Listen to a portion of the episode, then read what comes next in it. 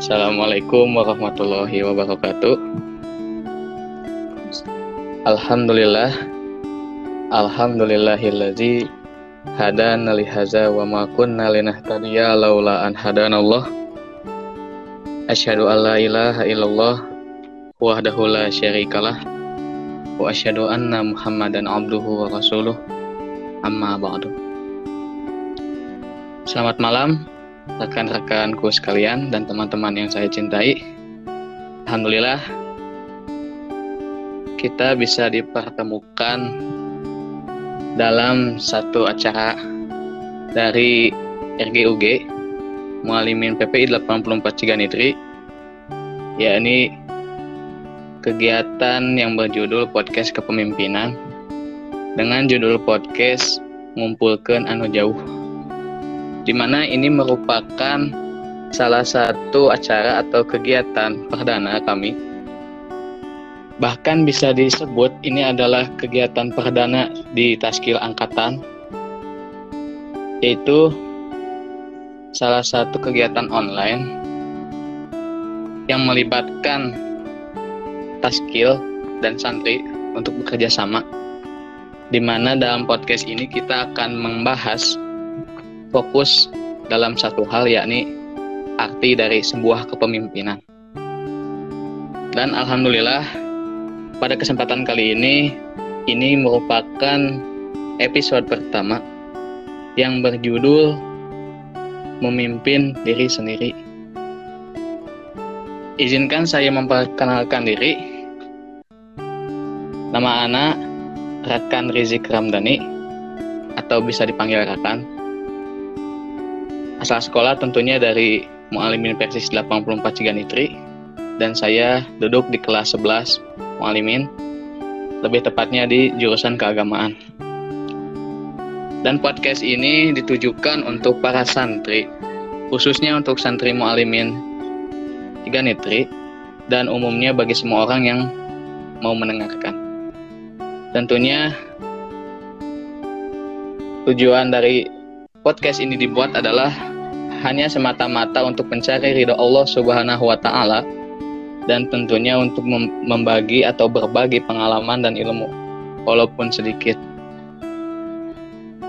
Dan sasaran yang dapat didapat dari podcast ini tentunya di mana santri bisa mengembangkan gaya bicaranya dan tentu saja gaya mendengarkannya karena orang yang jago berbicara itu merupakan orang yang jago mendengarkan. Ada pepatah yang mengatakan seperti itu. Tentu saja untuk para pendengar, stay tune dan selalu follow podcast kami karena insya Allah podcast ini akan berlanjut terus dan hari demi hari, minggu demi minggu, bahkan bulan demi bulan akan semakin berkembang. Ikuti saja dan dukung kami dengan cara follow podcast ini dan tentunya dengarkan dan hayati. Oke. Tentu saja di dalam podcast kali ini saya tidak hanya merekam seorang diri. Di sini saya alhamdulillah sudah ditemani oleh dua rekan saya atau dua teman saya seperjuangan. Ya ini di sini ada Bung Anan, dan juga ada Alfiah. Apa kabar kalian berdua? Sehat? Alhamdulillah baik. Alhamdulillah baik. Oke. Kumaha Di malam Solna? Ah, alhamdulillah saya juga baik. Di malam yang dingin ini mungkin cukup berat juga ya kita mau melakukan perekaman ya walaupun dengan keadaan tidak bertatap muka langsung gitu kan. Oke, sebelum kita ke inti obrolan, mungkin boleh memperkenalkan diri dulu masing-masing ya. Boleh dari Anan ke Alfi. Bismillahirrahmanirrahim. Assalamualaikum warahmatullahi wabarakatuh, rekan dan juga teman-teman semua yang mendengarkan. Perkenalkan nama Ana Ananda Maulana Gilbarani, sekolah di MA Persis 84 Ciganitri lagi duduk di bangku sekolah menengah kelas 11 di jurusan keagamaan atau PAI. Oke, terima kasih Ananda. Boleh lanjut? Assalamualaikum semuanya. Saya Alpira Dalila dari kelas dari kelas 11 agama juga satu kelas dengan Anan dan Rakan. Terima kasih. Oke. Terima kasih untuk mungkin hanya sekian saja ya untuk perkenalan singkatnya. Kita langsung saja ke sesi ngobrolnya ya. Oke. Untuk Ananda ya. Alhamdulillah ya pada episode perdana kali ini kita ditemani oleh dua sosok hebat di Taskil RGUG ini. Ya ini ada langsung ini Ananda sebagai ketua ini ya kalau ada yang belum tahu. Lalu ada Alfi sebagai wakil sekretaris UG-nya tentu saja. Dan ya sungguh beruntung gitu di episode perdana ini saya diizinkan untuk menghost atau lebih tepatnya memandu acara podcast dengan orang-orang yang hebat ini. Oke, okay. uh, kita langsung saja ke pembahasan pertama. Pasti kan uh, orang-orang seperti kalian itu tidak hanya pernah berorganisasi di sini gitu kan pasti punya pengalaman di sanawiyahnya juga dan saya juga atau anda juga dengar-dengar bahwasannya Anan itu dulu pernah menjabat sebagai staf pembantu umum ya pada kelas 9 sanawiyah kalau tidak salah apakah itu Ya betul betul. Oke. Dan kalau boleh tahu, saya mau bertanya. Pada saat kamu menjabat sebagai staf pembantu umum itu, apa sih tugasnya? Maaf boleh diulang pertanyaannya? Oke, mungkin kurang jelas. Jadi kan pada saat ente menjabat sebagai staf umum di Sanawiyah dulu. Kalau boleh diceritakan apa saja sih tugasnya sebagai staf umum itu? Mungkin kan di Siganitri itu tidak ada lah gitu yang namanya staf pembantu umum gitu. Kalau untuk staf umum atau SU di PPI 8 PPI 30 C 32 Ciawi itu bertugas untuk bisa membantu staf-staf yang lain. Jadi kalau misalkan diumpamakan ketika ada permasalahan atau butuh bantuan dari pihak atau dari staf contohlah dari pendidikan atau dari bendahara atau bahkan dari ketua itu yang turun andil adalah dari staf umum. Dan itu membantu semua jajaran yang ada untuk tugasnya kayak gitu oke kurang lebih seperti itu ya. Jadi lebih ke apa ya jadi benar-benar tugasnya itu kalau di panitia HIPA di itu mungkin kayak humas ya jadi kalau misalkan di keamanan butuh bantuan bantuin gitu. Kalau kebersihan butuh bantuan bantuin gitu mungkin ya. Ya menyeluruh. Gitu. menyeluruh oke okay, siap. Berarti cukup penting juga perannya. Oke okay, untuk Alfia kan saya pun pernah mendengar bahwa ente juga pernah menjabat sebagai taskil UG di sanawiyahnya. Ya, Lebih tepatnya mungkin kalau tidak salah itu seorang sekretaris ya dulu. Betul. Ya. Betul. Betul sekali.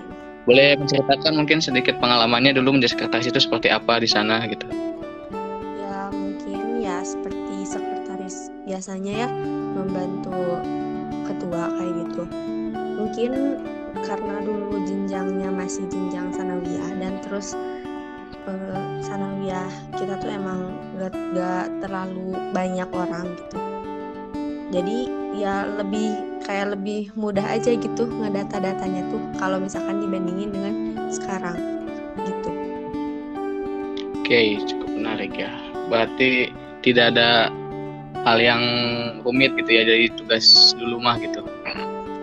Karena dulu juga ada bantuan dari pembimbing gitu loh. Jadi nggak nggak jadi nggak aku turun sendirian gitu. Jadi banyak juga yang ngebantu kayak gitu.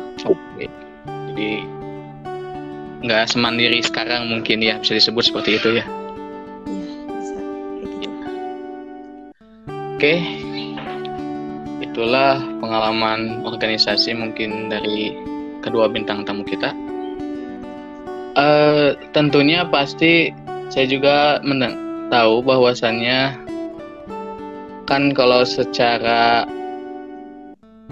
domisili sekolah kan kalau membicarakan masalah saya gitu misalkan masalah anak kan anak itu emang lulusan sanawiyah di Ciganitri gitu dan mualimin di Ciganitri lagi. Berarti otomatis kan kalau masalah alasan kenapa sekolah di sini ya sudah jelas itu karena ingin di sini lagi. Tapi kan otomatis kalau membicarakan masalah Alfi dan Anang kan kalian itu sanawiyahnya itu bukan berasal dari Ciganitri. Otomatis ada alasan tersendiri kenapa sampai jauh-jauh gitu kan apalagi Anan gitu kan dari Tasik Ciawi. Sampai jauh-jauh awalnya di Ciawi mau ke Kabupaten Bandung Ciganitri. Dan Alfi juga misalkan dari Cisomang awalnya. Mau sampai bersekolah di sini gitu kalau boleh tahu apa hal yang eh, hal menarik apa yang ada di Ciganitri sampai memikat Anan dan Alfi untuk bersekolah di sini gitu melanjutkan jenjang mualiminya di sini gitu kalau boleh tahu ya dari Alfi dulu boleh Nah, sedikit bercerita ya. Jadi di daerah ya, ya di MTS aku yang di Cisomang itu nggak ada mualiminnya. Jadi ya daripada bukan gini, keluarga aku tuh menyarankan buat melanjutkan di pesantren lagi gitu. Sedangkan di daerah sini tuh banyaknya ya negeri gitu. Ya, akhirnya nyari-nyari kan eh, PPI lagi gitu. Sempat kayak survei ke beberapa PPI ya dapat di Ciganitri ya alhamdulillah di situ juga soalnya eh, emang pernah masuk pernah lihat-lihat gitu juga lah ya di sosial media karena pernah ada beberapa kakak kelas yang masuk ke Ciganitri sempat tertarik cuman kayak eh, tapi mau nyari dulu yang lebih jauh. Tapi ya akhirnya kan daripada yang jauh nanti malah susah pulang. Ya alhamdulillah dapat yang lumayan deket dan serk juga gitu. Oke, berarti faktornya cukup jelas ya, cukup umum. Boleh lanjut dari Ananda? Kalau untuk pertanyaannya bisa milih Ciganitri, alhamdulillah bisa masuk ke Ciganitri dan kalau lah ditanya alasannya kan ya, jadi gini, untuk jawaban pastinya, karena anak berpikir bahwa itu yang terbaik buat anak. Sesederhana itu begitu. Sungguh sangat sederhana. Yakin bahwa, bahwa sekolah itu bisa mengantarkan pada pengembangan kualitas dari diri anak sendiri. Kayak gitu. Oke, jadi itu mah cuman hanya karena misalkan oh saya menurut saya ini terbaik, saya masuk ke sini gitu. Ya, oke. Sekolah sekolah punya kelebihan kekurangannya masing-masing. Iya sih. Emang kalau dipikir-pikir kualitas sekolah itu tidak mempengaruhi lah gitu dengan perkembangan kita ya. Perkembangan kita dimulai dari diri kita sendiri kan gitu ya. Bukan bukan masalah sekolahnya tapi dari diri kita sendiri Kadang kan ada orang yang kuliah di ITB pun sekelas ITB yang tinggi juga kan tetap kalau misalkan dia tidak mau berkembang ya keluar dari ITB. iya benar Ya, benar sip. Oke, saya sudah cukup puas dengan jawaban kalian mengenai alasan sekolah di sini. Eh, langsung saja kita ke obrolan selanjutnya. Kan otomatis kayak a- kalau Alfi mungkin nggak terlalu aneh misalkan dari sanawiyahnya dia menjadi sekretaris di Mualimin jadi wakil sekretaris. Mungkin tugasnya gak akan terlalu beda jauh gitu. Dis lebih bertanya ke Ananda. Kan dulu Anda itu kamu itu kan seba- berperan sebagai staf umum di PPI 32 Ciawi. Sementara sekarang ente jadi orang yang dihormati lah gitu oleh teman-teman kamu menjadi seorang ketua RG orang yang hebat orang yang bisa dipandang media itu oh mantap. Di sini saya Ana mau bertanya gitu. Eh, apa sih hal yang mungkin kamu rasakan itu bahagia atau mungkin kamu rasakan itu sedih ketika kamu terpilih menjadi ketua RG di Mualimin sini.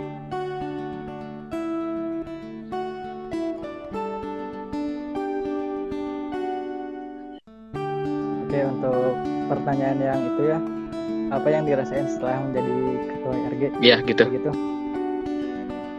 Oh, eh, pastinya kalau misalkan pas setelah menjadi ketua RG, yang pertama adalah permasalahan tentang tanggung jawab umumnya. Iya. Ya. Yang pertama adalah tentang tanggung jawab. Ya, masalah pertimbangan di dunia dan akhirat. Kemudian yang kedua adalah bagaimana Anda bisa menjadi seekor ikan kecil di dalam kolam yang besar. Karena dalam kolam itu gak semua ikan itu sama.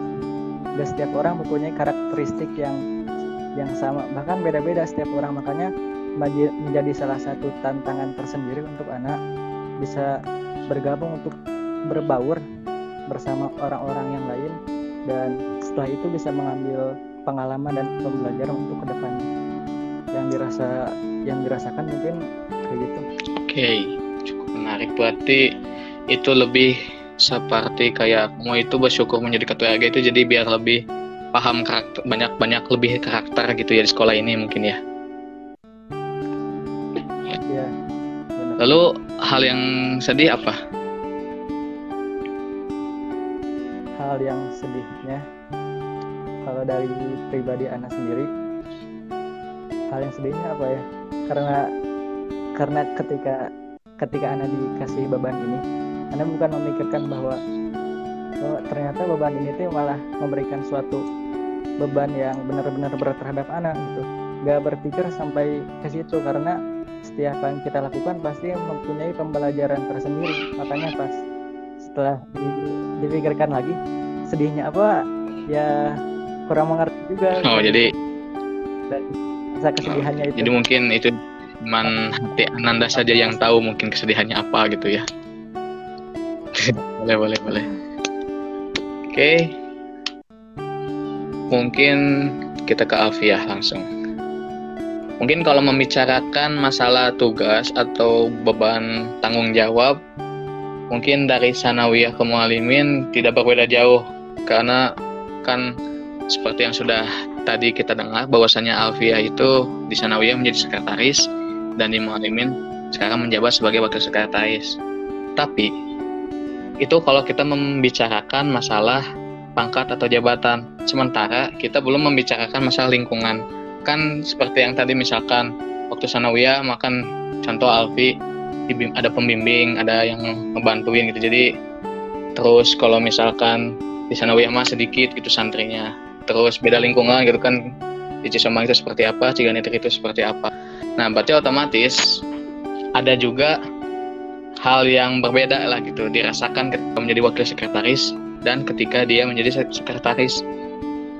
Maka dari itu, di sini saya juga mau bertanya kepada Alpi, ketika kamu menjadi sekretaris di sana dan menjadi wakil sekretaris di sini, apakah ada hal yang berbeda dari keduanya atau misalkan oh benar-benar full pure sama dua-duanya? Ya tentunya pasti berbeda ya karena dari faktor ya pertama lingkungan juga gitu sangat mempengaruhi.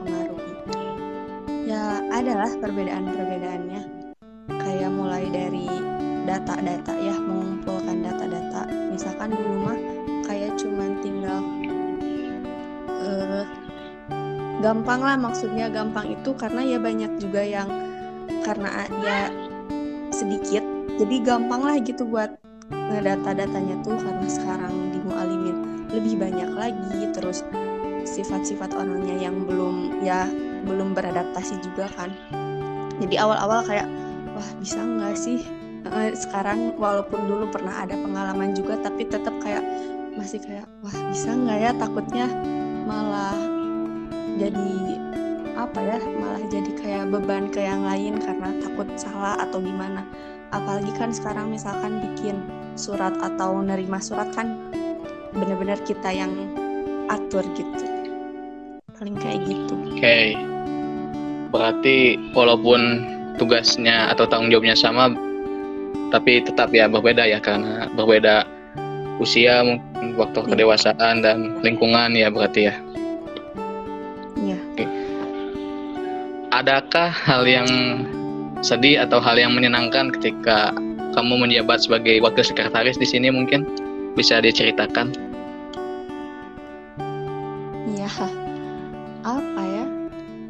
Ya gitu sih. Nggak bisa diungkap. Oke, menarik, menarik. Oke, boleh, boleh. Oke. Kalian pasti sudah mendengar ya tadi alasan kenapa dua orang hebat ini sampai memantau jauh-jauh sampai ke sekolah di sini gitu. Saking hebatnya sekolah Ciganitri ini gitu sampai orang jauh sampai mau bersekolah di sini. Ini bukan promosi ya, cuman kalau ada yang minat sekolah di sini silahkan gitu. Promosi.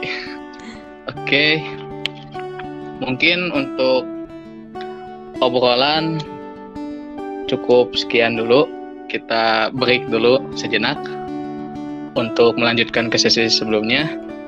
Untuk para pendengar pemirsa sekalian, stay tune, jangan pindah channel, tetap dengarkan dan follow kami. Cukup sekian, dan Assalamualaikum warahmatullahi wabarakatuh. كل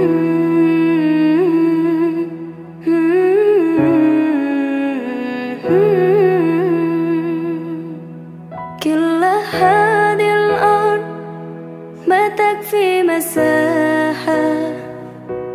لو نعيش بلا سماحة. وانت عايزنا بحب. لو تضيق الأرض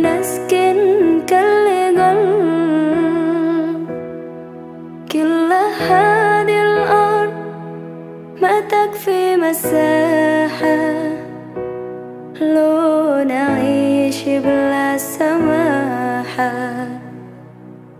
وإنت عايزنا بحب لو تضيق الأرض نسكن كالغل التحية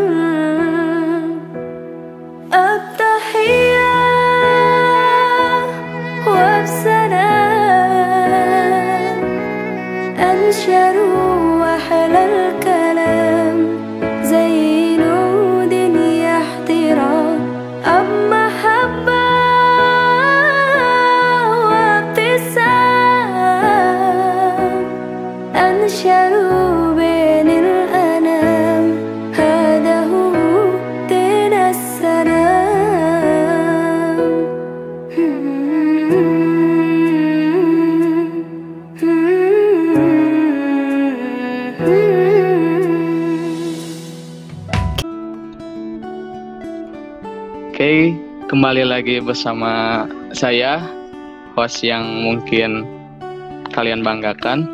Dan kembali lagi juga bersama kami, ada dua bintang tamu yang mungkin kalian rindukan. Kita langsung saja ke segmen selanjutnya, yakni segmen tanya jawab seputar judul. Yaitu judulnya sudah kalian tahu mungkin, yaitu berjudul Memimpin Diri Sendiri. Di sini ada empat pertanyaan yang sudah saya kumpulkan dan rangkum.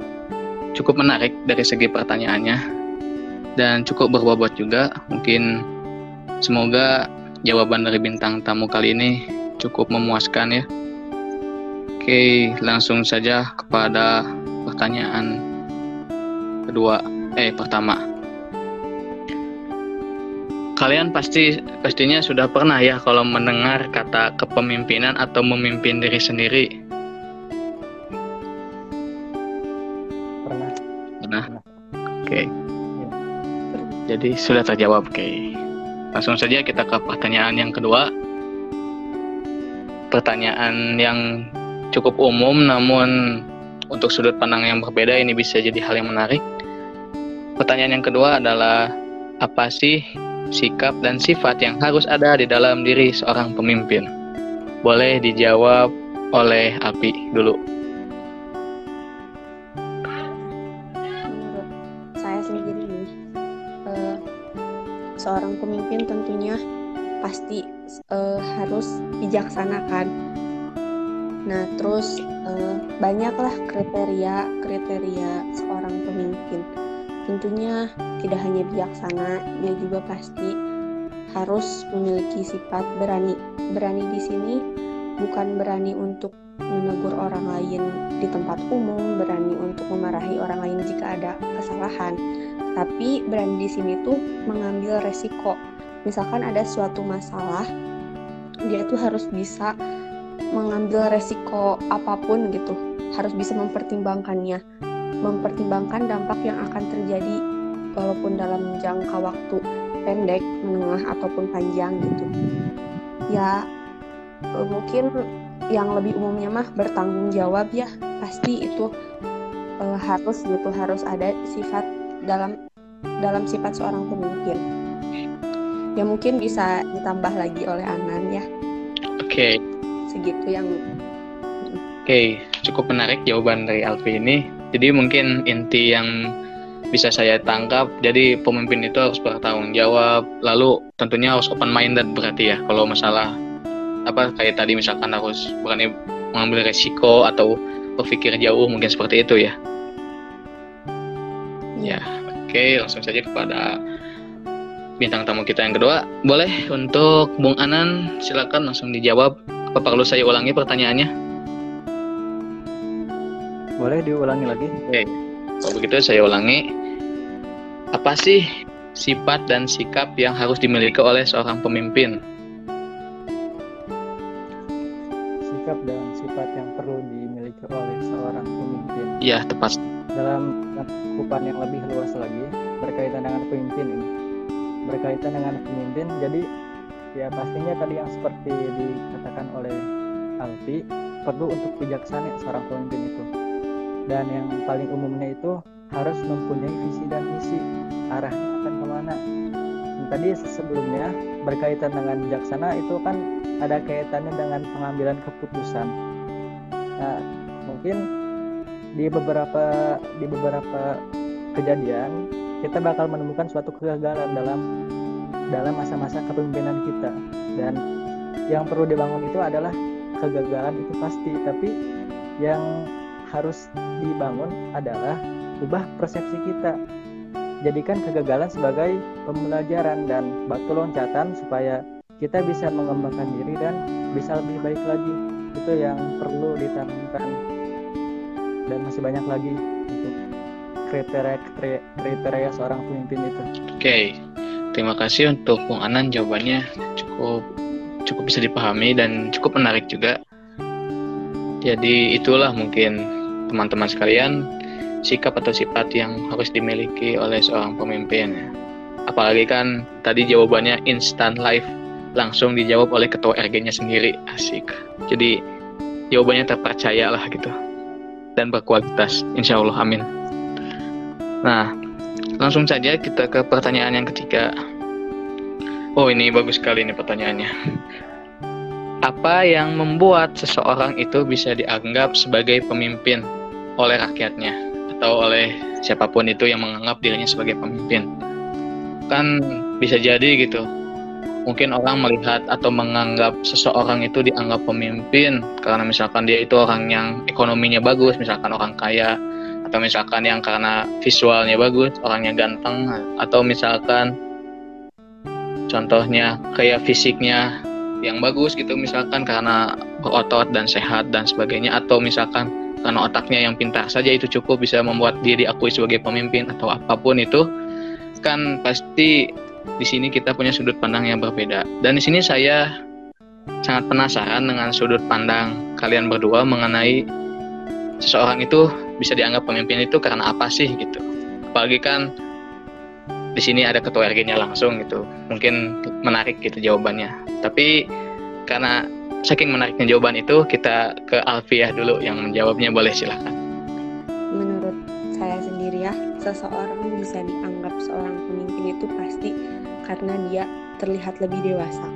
Nah mungkin dalam ya sikap dia sehari-hari atau karena pembicaraannya dia terus karena misalkan dia bisa menciptakan suasana yang nyaman gitu bisa menenangkan bisa menjadi penengah dalam misalkan ada suatu masalah mungkin dia bisa dianggap sebagai seorang pemimpin. Nah, jika seseorang itu sudah ditunjuk sebagai seorang pemimpin, orang-orang tuh akan lebih apa ya, lebih segan gitu jika dia tuh ya memiliki sifat-sifat kayak dia tuh memiliki pendirian yang teguh, dia jujur, dia adil, dia eh, komunikasinya baik, terus menginspirasi banyak orang. Nah, pasti eh, orang-orang bakal menganggap dia sebagai pemimpin yang baik. Seperti itu. Oke, terima kasih Alfi untuk jawabannya. Mungkin bisa dilengkapi atau lebih diperjelas oleh ketua RG kita bintang tamu hari ini yaitu Ananda. Mungkin jika Anda mungkin mau memba- membalas atau misalkan menjawab, oh misalkan pemimpin seseorang itu dianggap pemimpin gitu misalkan harus seperti saya gitu seperti ini misalkan atau misalkan seperti Ustadz Tua atau misalkan seperti Ustadz Salman atau seperti Ustadz Jai gitu kan pasti kan punya sudut pandang masing-masing nah, gitu. jadi di sini pendengar pasti pun penasaran gitu ya. Boleh silakan langsung dijawab pertanyaan yang ini, teman-teman sekalian, Rakan dan juga Alfi, dari sudut pandangan anak, ai, untuk realitanya hari ini, seseorang bisa dikatakan sebagai pemimpin itu karena kedudukan untuk hari ini Iya. realitanya. Tapi kalau boleh saya katakan, kayak gini ya, teman-teman, siapa pun bisa jadi seorang pemimpin, bahkan tukang beca pun itu bisa menjadi seorang pemimpin. Pemimpin apa? Pemimpin untuk dirinya sendiri, untuk keluarganya, dan siapa pun bisa memegang peranan ini untuk menjadi pemimpin. Dan ketika boleh dilanjutkan lagi, dampak pemimpin itu adalah dampak baik untuk diri sendiri juga ketika kita bisa memunculkan sebuah pengaruh dan itu bisa berpengaruh untuk diri sendiri kita.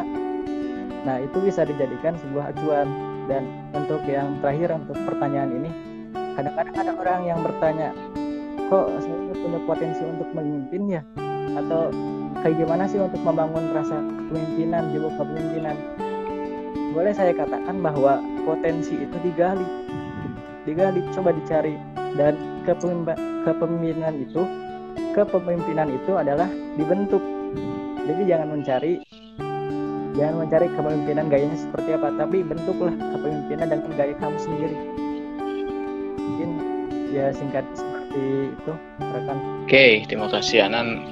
Sungguh sangat mendalam ya jawabannya. Langsung hangat dari ketua RG-nya yang yang sudah merasakan bagaimana itu menjadi seorang pemimpin di sekolah itu memimpin taskil kah atau memimpin santri kah. Jadi ya kurang lebih jawabannya mungkin seperti itu. Dan kalau misalkan ada yang kurang dimengerti nanti boleh adik nanti ada konsultasi tanya jawab langsung kepada bintang tamu atau kepada hostnya boleh nanti disalurkan. Oke, terima kasih ya untuk jawaban dari teman-teman sekalian untuk Alfi dan Anan ini cukup menarik di epis- episode pertama kita pada malam hari ini. Kembali Langsung saja kita kepada segmen akhir yaitu pemberian saran atau pesan dan kesan. Karena ini berjudul kepemimpinan atau memimpin diri sendiri lebih tepatnya. Di sini saya mau meminta saran atau pesan dan kesan kepada generasi muda, para pemuda, pemudi atau remaja at- atau para anak-anak mungkin di luar sana kan ditambah sekarang itu sedang degradasinya cukup besar gitu mau dari pendidikan, kesehatan, agama, bahkan sosial untuk intinya di sini di sini kan kita berarti otomatis sedang mengalami fasenya down gitu. Sini saya mau meminta minta saran pada kalian berdua. Apa sih saran yang bisa kalian berikan kepada anak muda zaman sekarang? Karena anak muda zaman bapak-bapak di masa depan kan? Kan- dan mereka itu akan menjadi pemimpin di masa depan yang akan datang. Mau itu keluarganya atau memimpin diri sendiri atau memimpin misalkan memimpin sekolah atau presiden bahkan ya. Jadi saya mau minta saran itu gitu. Bisa disampaikan langsung kepada para pendengar di sini gitu. Boleh dari Ananda? Kepada semuanya teman-teman yang saya banggakan untuk motivasinya ya untuk ini motivasinya dari anak. Jadi sebelum itu perlu kita pahami ada sebuah ungkapan, sebuah hadis yang mengatakan bahwa manfaatkanlah, jagalah lima perkara sebelum datangnya lima perkara. Dan salah satunya adalah masa muda, masa muda kita. Semua akan dipertanggungjawabkan. Jadi untuk itu ketika kita ingin berubah, maka kalau digambarkan ketika kita ingin menjadi elang, jangan berpikir untuk menjadi bebek. Dan ketika kita berpikir menjadi bebek, jangan bermimpi untuk menjadi elang. Makanya ya untuk poin khususnya adalah kita perlu untuk memberanikan diri, mencoba untuk membuat planning tujuan hidup kita, percaya, berharap, dan usaha. Tidak hanya bermimpi. Hidup itu bukan tentang memiliki, bukan tentang saya punya ini, saya punya ini, saya punya itu. Tapi hidup ini tentang memberi dan menjadi. Kita jadi apa di dunia ini? Kita udah memberikan dampak apa, impact apa kepada masyarakat, kepada orang-orang sekitar kita. Karena ya hidup di dunia ini hanya sementara, jadi untuk apa membesar-besarkan apa yang kita miliki hari ini? Oke. Cukup mungkin untuk sarannya ya bisa dipahami oleh para pendengar sekalian. Boleh ditambahkan oleh Alfiah? Mungkin ada saran atau pesan untuk para pendengar di sini? Ya, sedikit eh, tambahan ya dari saya untuk semua. Jangan pernah menganggap semua yang ada di depan kita itu dapat eh, diselesaikan dengan mudah gitu. Segala sesuatu apa pun punya konsekuensinya. Pokoknya kita harus ngejalannya itu dengan sungguh-sungguh. Pokoknya jangan sampai suatu saat kita nyesel karena kita mengabaikan hal itu. Seperti itu. Oke, cukup menarik. Mungkin kesimpulan dari sarannya dari yang Ananda tadi misalkan jangan terlalu banyak memimpi sementara kamu tidak bisa mewujudkan. Jadi kayak tadi misalkan contohnya kalau kamu jadi bebek jangan berpikir bisa terbang kayak elang. Kalau kamu jadi elang jangan berpikir bisa berenang kayak bebek. Mungkin seperti itu ya. Ya Ananda ya kurang lebih seperti itu mungkin. Ya, Analoginya mungkin gitu. seperti itu ya seperti bebek dan elang. Cukup menarik. Mungkin kalau dari Alpi tadi sarannya ya jangan pernah menganggap sepele sekecil apa pun hal yang kita hadapi atau masalah yang kita hadapi. Karena kalau dalam kaidah usul fikih itu kan ada kalau sebuah masalah itu sesungguhnya dari kecil bisa menjadi besar dan dari besar bisa menjadi kecil. Mungkin seperti itu ya Alfi ya intinya. Betul. Oke. Oke, terima kasih. Mungkin saran dan pesan atau kesannya mungkin kalian bisa tangkap dengan baik insya Allah. Mudah-mudahan. Mungkin bila ada yang kurang jelas di podcast kami kali ini, bisa konsultasi atau bertanya langsung kepada bintang tamu kami kali ini, atau bisa bertanya langsung melalui host kalian tentu saja. Terima kasih ya untuk Alfia dan Ananda yang sudah mau menghabiskan waktunya untuk ngobrol santai bersama saya ya hari ini. Ya, terima kasih kembali. Oke, Sukses oke. selalu. Mungkin hanya sampai di sini saja pertemuan kita, obrolan hangat kita. Inilah teman-teman sekalian podcast ngumpulkan anu jauh yang membahas masalah memimpin diri sendiri episode perdana pertama. Kami untuk kesimpulannya mungkin bisa disimpulkan masing-masing ya karena pandangan orang itu beda-beda. Tapi nanti kalau misalkan ada yang kurang dimengerti sekali lagi saya ingatkan kalau ada yang masih belum dimengerti bisa kontak langsung bintang tamunya atau bisa melalui hostnya saya juga mengucapkan banyak-banyak terima kasih kepada para pendengar yang masih mau stay tune di podcast kami dan mendukung kami tentu saja dengan memfollow podcast ini dan men-sharekannya ke teman-teman sekalian dan tentu saja mendengarkannya dan tentu saja menghayati isi dari podcast kami walaupun tidak semenarik podcast-podcast terkenal lainnya gitu kan contohnya kayak Deddy Kobuzer tapi setidaknya mungkin ini inilah yang dapat kami hasilkan ini karya kami. Oke jangan lupa follow podcast kami ya sekali lagi karena itu sangat membantu sekali bagi kami yang membuat karya baru ini karena ini sudah seperti yang saya tadi bilang bahwa podcast ini merupakan karya perdana angkatan kami. Stay tune. Jangan lupa pertemuan kita di hari ini jangan pernah dilupakan dan juga ingat juga bahwasanya kita harus menjaga selalu kesehatan di luar sana karena seperti yang sudah saya tadi bilang bahwa kita ini sedang berada di dalam pandemi yang cukup sulit. Dan nantikan juga jangan lupa episode-episode selanjutnya dari podcast Ngumpulkan Anu Jauh karya MA Persis Ciganitri ini karena kami tidak perjuangan kami tidak akan sampai di sini saja. Seperti yang tadi saya sudah ingatkan, jangan lupa jaga kesehatan, ceria selalu, senyum selalu, jangan lupa beribadah kepada Allah Subhanahu wa taala. Terima kasih lagi sebanyak-banyaknya kepada para tamu dan juga kepada para pemirsa sekalian. Ditutup saja, dicukupkan sekian. Tutup dengan doa. Rabbana tina fid dunya hasanah wa fil akhirati hasanah wa qina azabannar. Assalamualaikum warahmatullahi wabarakatuh. Bye bye.